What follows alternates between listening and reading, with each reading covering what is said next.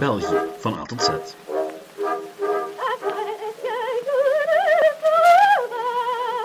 Welkom bij Geschiedenis van België en welkom bij letter I of Y. Wel, technisch gezien toch, in de praktijk heb ik het op vraag van mijn publiek over de taalgrens. U weet wel, die grens waar aan de ene kant men Nederlands spreekt en aan de andere kant Frans. Of beiden. Maar ik heb het vandaag over veel meer dan enkel de taalgrens. Ook over andere zaken die daaruit voortvloeien, zoals waarom is Vlaanderen traditioneel rechtser dan Wallonië? Wat hebben de Romeinen te maken met onze taalgrens en welke taal wij spreken? En hoe zat dat vroeger? Hoe zat dat eigenlijk vroeger, voor het federale België? Was daar een taalgrens? Wel, dat en meer in deze aflevering van België van A tot Z.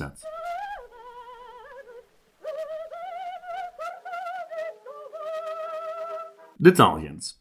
Eindelijk. Ze staat al een hele tijd op mijn lijstje en nu is het eindelijk zover. Al geef ik eerlijk toe dat ik het over veel meer dan enkel de taalgrens ga hebben. Want om die taalgrens uit te leggen, moet ik het ook hebben over de Vlaamse beweging, taalwetten en een heleboel andere zaken. Wat volgt is dan ook een gebalde samenvatting van de taalstrijd, zonder echt veel dieper in te gaan op al haar aspecten. Dat komt naar alle waarschijnlijkheid later wel nog. Maar laten we nu eerst beginnen bij het begin. Het woord taalgrens. Dat impliceert een lijn waar men aan de ene kant de ene taal spreekt en aan de andere kant de andere. Simpel. Waar het niet dat in België de taalgrens ook een wettelijke grens is. Tussen Vlaanderen en Wallonië en Brussel, want ook over dat eeuwige vraagstuk moeten we het hebben. Vandaag is de taalgrens dus de grens tussen de verschillende gewesten. Al zijn die gewesten de lange voorgeschiedenis van wat vandaag België is, natuurlijk slechts ja, relatief recente uitvindingen. En kan je de taalgrens al een stuk vroeger gaan ontwaren. Als we het echt over de oorsprong van die hedendaagse taalgrens willen hebben, dan moeten we terug naar, jawel, de Romeinen. Meer bepaald naar het moment dat die Romeinen het tot moeilijk beginnen te krijgen en zich langzaam maar zeker beginnen terug te trekken uit de grensgebieden, waaronder de provincie Belgica. Concreet kon men niet langer alle bezette gebieden verdedigen en dus werd men in de 4e eeuw na Christus creatief. Keizer Julianus de afvallige, met stipt een van mijn favoriete Romeinse keizers, besloot om de Germaanse stam aan de grens van het Rijk toestemming te geven zich te vestigen binnen de rijksgrenzen. De voorwaarde was dat men de grensverdediging op zich zou nemen, zodat hij met de Perzen zou kunnen afrekenen.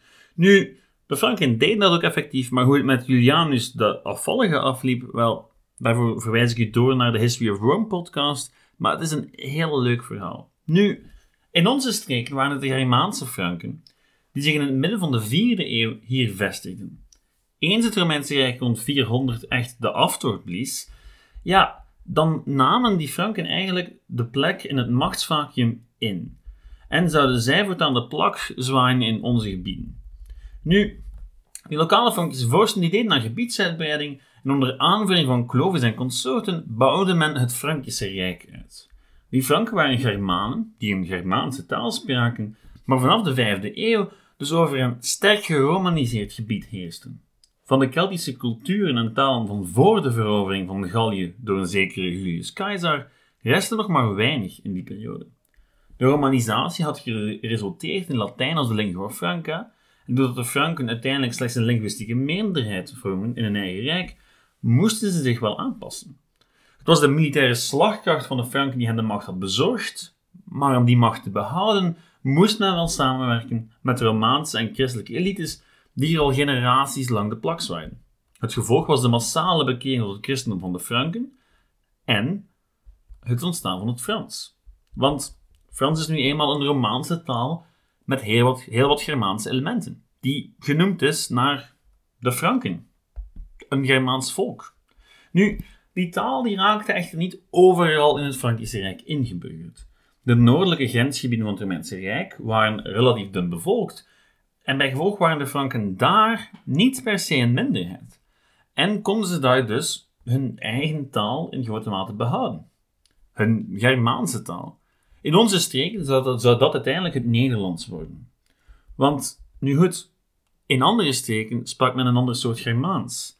Maar zelfs dan is die taalgrens eigenlijk geen exclusief Belgische zaak. Er loopt een Romaans-Germaanse taalgrens dwars door West-Europa. Denk maar aan Luxemburg, waar men naast het Frans ook Luxemburg spreekt, een lokale variant op het Duits met heel wat Romaanse elementen. Over de hele Frans-Duitse grens zijn er voorbeelden van lokale dialecten of talen die leentje buur spelen, die een soort van mengeling zijn. In Zwitserland bijvoorbeeld is er retro-Romaans, wat een oude vorm van Latijn is met heel wat Duitse elementen erin. Dus aan zich zijn taalgrenzen niet zo ongebruikelijk. Alleen is die van ons, ja, eh, net wat ingewikkelder. Omtrent de 9e en 10e eeuw taalgrens zich beginnen te manifesteren. In de voorgaande eeuwen fluctueerde die, maar langzamerhand settelde de grens zich min of meer waar ze vandaag de dag nog steeds ligt. Frans-Vlaanderen en Brussel uitgezonderd. Want een groot deel van wat vandaag Noord-Frankrijk is, was initieel Nederlandstalig. En dat pas in de loop van de middeleeuwen en de vroegmoderne tijd verfransen. Oké, toegegeven. Nederlandstalig is misschien niet de juiste term. Feit is dat Nederland zoals we het vandaag kennen pas ontstaan is in de 16e eeuw. En dan nog heeft geduurd tot de 19e eeuw tot die taal echt gestandaardiseerd werd. En tot dan sprak iedereen een lokale variant van het Nederlands. Of hoe Brabanders, Hollanders en Vlamingen elkaar waarschijnlijk enkel met de nodige moeite konden verstaan. Vanaf de 16e eeuw ontwikkelt zich langzaam maar zeker een standaardtaal. Maar dat verhaal is voor een heel andere aflevering.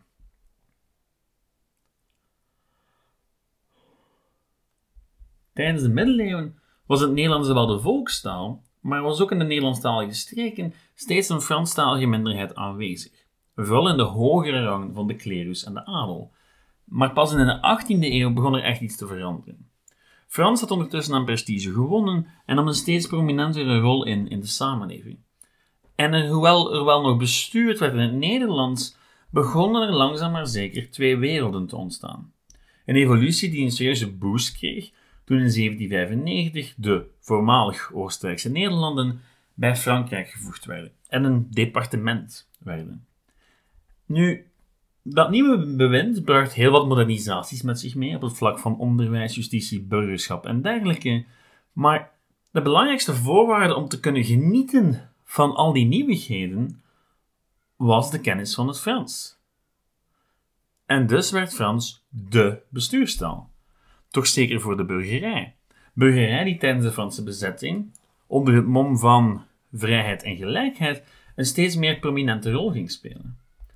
En dat was allemaal goed en wel, en leidde tot de massale verfransing van een groot deel van de burgerij, tot een zekere Willem I koning werd van het Verenigd Koninkrijk der Nederlanden. Want met de val van Napoleon was het gedaan met de Franse heerschappij, en werd Nederlands dus plots weer de taal van het Hof, en de belangrijkste bestuurstaal, na generaties van verfransing. En ja, dat Nederlands als bestuurstaal eh, was echt wel een van de oorzaken van de Belgische Revolutie. Willem I probeerde de status van het Nederlands te herstellen. Hij probeerde zelfs om de taalgrens weer wat verder naar het zuiden te duwen, de Nederlandse, Nederlandstalige scholen te promoten. En daarbovenop was Nederlands plots opnieuw de belangrijkste taal voor bestuurszaken. Toch zeker in Vlaanderen, en dat lijkt dan wel logisch door onze ogen, maar de burgerij van Vlaanderen was op dat moment in grote mate Franstalig. En ja, dus als in 1819 Nederland steeds meer de officiële taal werd en vanaf 1822 alle ambtenaren in Vlaanderen het Nederlands machtig moesten zijn, ook in Brussel, dan jagen dat heel wat mensen in het harnas tegen het Verenigd Koninkrijk. En werd het Nederlands dus tegen de zin van velen een carrièretaal en een schooltaal. Vooral de poging met secundair onderwijs te vernederlandsen in Vlaanderen was voor velen een stap te ver. Nu, dat komt vooral omdat het Nederlands nog niet beschouwd werd als een cultuurtaal. Het werd niet beschouwd als een taal waarin je kan onderwijzen of waarin je kon leren. Het werd gezien als een, ja, een volkstaal. Dus geen taal voor de jonge burgerij. Want secundair onderwijs is nu voor iedereen, maar toen was die er enkel voor zij die het konden betalen. Opnieuw, de burgerij. De Franstalige burgerij dus, in grote mate. Nu, Willemijn had nog andere plannen en het uiteindelijke doel was om het Nederlands als officiële taal te introduceren in Wallonië en om echt die stap te gaan zetten naar een Nederlandstalig Verenigd Koninkrijk. Volledig Nederlandstalig. Toch zeker wat de officiële zaken betrof. Maar goed, zover zou het nooit komen. In 1830 brak de Belgische Revolutie uit en naast persvrijheid en religieuze vrijheid eiste men ook taalvrijheid. Wat goed klinkt, maar in de eerste plaats betekende de vrijheid om Frans te gebruiken. Want in de realiteit betekende het dat Franstalige ambtenaren in Vlaanderen niet langer verplicht waren Nederlands te kennen. En die taalvrijheid was echter volledig relatief. Voor in elk geval voor de Nederlandstaligen. Men mocht wel Nederlands praten, maar in de realiteit kon men er in de carrière en in de gerechtshoven bitter weinig mee. Ambtenaren nog rechters waren verplicht Nederlands te kennen en dus was Frans noodzakelijk om verder te komen in het leven. Frans was de cultuurtaal en aan Franstaligen Nederlands opleggen als verplichte taal was in de ogen van de Franstalige elite discriminatie. En dat Nederlandstaligen Frans moesten kennen om verderop te geraken in het leven, betekent dat de taalkloof ook een sociale kloof was. Nu, daar komt nog een extra dimensie bovenop, want dit is de periode waarin de Vlaamse economie achterop raakt op de rest van het land. En Vlamingen moesten uitmerken en als gastarbeiders in Wallonië en Frankrijk aan de slag gingen. Want ja, absoluut, Vlaanderen was eeuwenlang een van de meest welvarende regio's van Europa en is dat vandaag de dag opnieuw, maar in de 19e eeuw was Vlaanderen achterop geraakt. De economische ontwikkeling in België vond toen plaats in Wallonië. En er ontstonden al vlug fundamentele verschillen tussen Wallonië en Vlaanderen, met alle gevolgen van dien.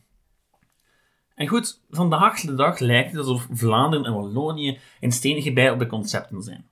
Alsof Vlaanderen altijd rijk en technologisch vooruitstrevend was en Wallonië steeds arm en achteruitgesteld. En in de 19e eeuw, een deel van de 20e eeuw, was het net omgekeerd.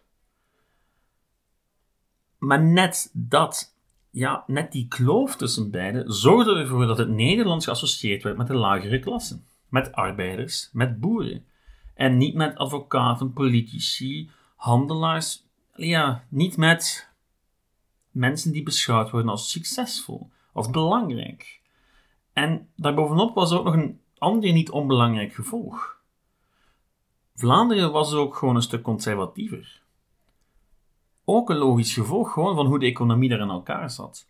Verstedelijkte en industriële gebieden brengen nu eenmaal liberaal en socialisten voort.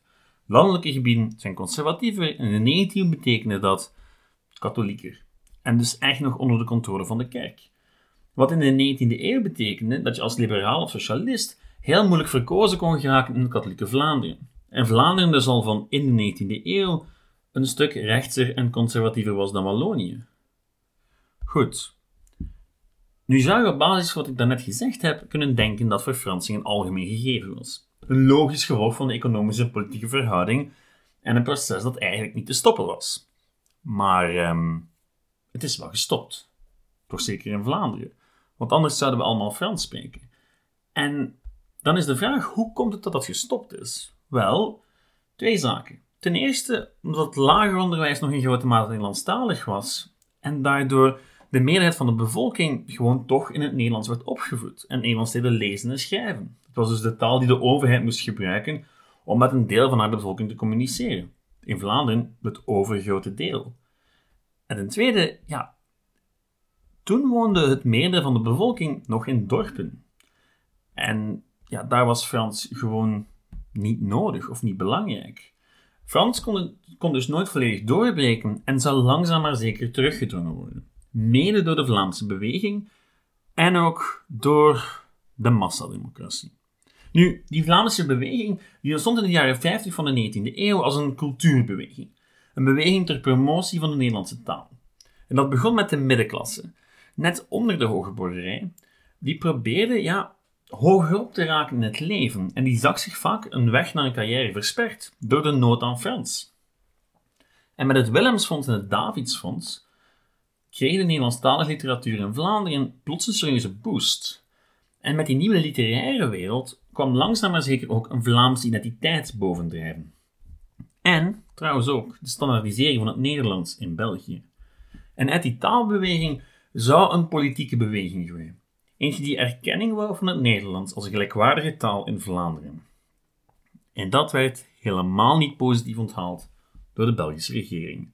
Die steunen de uniformisering van de taal, omdat dat nu eenmaal makkelijker was om die Vlaamse bevolking te besturen, en ook wat ontwikkeling van de Vlaamse cultuur. Maar het erkennen van Nederlands als bestuurstaal, ja, dat ging nog net ietsje te ver. En die Vlaamse beweging die stelde zich vervolgens tot doel om politieke macht in handen te krijgen en zo zelf de nodige wijzigingen aan te brengen. Al moet ik hier wel duidelijk bij zeggen dat niemand op dat moment de Vlaamse onafhankelijkheid nastreefde. Um, Vlaanderen bestond nog amper. En dan vooral in het hoofd van slechts een deel van de Vlaamse burgerij. Veel van die vroege Vlaamse nationalisten beschouwden zichzelf trouwens als Belgische patriotten. Klinkt nu vreemd, maar Frankrijk werd nog lang na de Franse Revolutie door velen in Europa gezien als een gevaarlijke expansionistische grootmacht. Dus dan klinkt het erkennen van het Nederlands als landstaal een manier om het Belgische gevoel en de Belgische identiteit te versterken. Nu, het zou wel even duren voordat logisch klonk van stalige oren. Het zou wel even duren voordat logisch klonk in Franstalige oren. Wat er ook van zei, politieke machtverwerven was geen sinecure. Want binnen het Belgische kiessysteem moest men zich als Vlaamse nationalist integreren binnen één van de twee grote partijen, later drie, en zo hopen ergens op een lijst terecht te kunnen komen. Maar naarmate er steeds meer mensen konden stemmen, kregen ook steeds meer Nederlandstaligen stemrecht. En dat leidde logischerwijze tot de, twee, tot de eerste taalwetten. En die wetten die vonden mondjesmaat ingang en lopen min of meer gelijk met de langzame democratisering van het Belgische kiessysteem. Het zijnskiesrecht werd steeds meer afgezwakt en daardoor kregen ook steeds meer Vlamingen stemrecht. En stukje bij beetje, van 1873 tot 1908, werd Vlaanderen steeds meer Nederlandstalig. Het gerecht, lokale en provinciale administraties, die werden met aparte wetten vernederlandst. Nederlands moest er gesproken worden. Maar dit was een werk van lange adem. Des te meer omdat de maatregelen niet altijd consequent doorgevoerd werden. Maatregelen om het leger, het leger tweetalig te maken mislukten bijvoorbeeld opnieuw en opnieuw. En toch gingen de zaken vooruit. In 1883 bijvoorbeeld kwam een van de sleutelmomenten. Het Rijkssecundair onderwijs in Vlaanderen werd Nederlandstalig. Grotendeels in elk geval. En dat betekende dat Nederlands dus plots erkend was als cultuurtaal. Een taal waarin onderwezen mocht worden, ook aan de burgerij. Een taal die dus goed genoeg was om gebruikt te worden voor belangrijke zaken. En ja, in de jaren die volgden werden munten, postzegels en het staatsblad tweetalig. En werd ook in het parlement af en toe Nederlands gesproken. Nu zou je zich kunnen afvragen wat dit allemaal te maken heeft met de taalgrens. Um, alles, eigenlijk. Dat langzame oprukken van het Nederlands als officiële taal had heel wat gevolgen. Dat moest ook, gezien er steeds meer mensen stemrecht hadden. En toch was er van een echte politieke Vlaamse beweging nog steeds geen sprake. Hoewel Flaminganten in de drie grote politieke partijen van het einde van de 19e eeuw aanwezig waren, vormden ze zelden of nooit een formeel front. Daarvoor waren de onderlinge verschillen gewoon te groot en was de Vlaamse zaak voor de respectievelijke Vlaamse partijleden ja, niet de hoofdzaak. Hun grote angst was altijd om, door te streven voor de Vlaamse zaak, dat hun echte hoofddoel aan de zijkant geduwd zou worden. Het algemeen stemrecht was voor de socialisten zo belangrijk dat men hun Waalse collega's niet wou vervreemden. En net hetzelfde gold voor een deel van de katholieke en liberale partij. Met de gelijkheidswet, enkele jaren na de invoering van het algemeen meervoudig stemrecht, kwam die eerste echte kentering. De gelijkheidswet maakte van het Nederlands een gelijkwaardige bestuurstaal aan het Frans. In theorie. Wat dat in de praktijk te betekenen had en hoe we dan tot onze hedendaagse situatie komen, dat is een heel ander verhaal. En daar laat ik het bij voor deze week. Het hele verhaal met context in één aflevering vatten bleek net iets te ambitieus. Maar goed, voor commentaar en vragen bent u altijd welkom op de Facebookgroep Geschiedenis van België. Daar vindt u ook enkele historische afbeeldingen van de taalgrens. In de beschrijving van deze aflevering staan links naar de belangrijkste bronnen voor deze aflevering. Ik bedank u graag voor het luisteren. Volgende week gaan we hiermee verder en dan maak ik het ook af. Dus dat wil zeggen dat er nog twee weken over zijn voor België van A tot Z. Bedankt voor het luisteren. Tot volgende week. Ciao!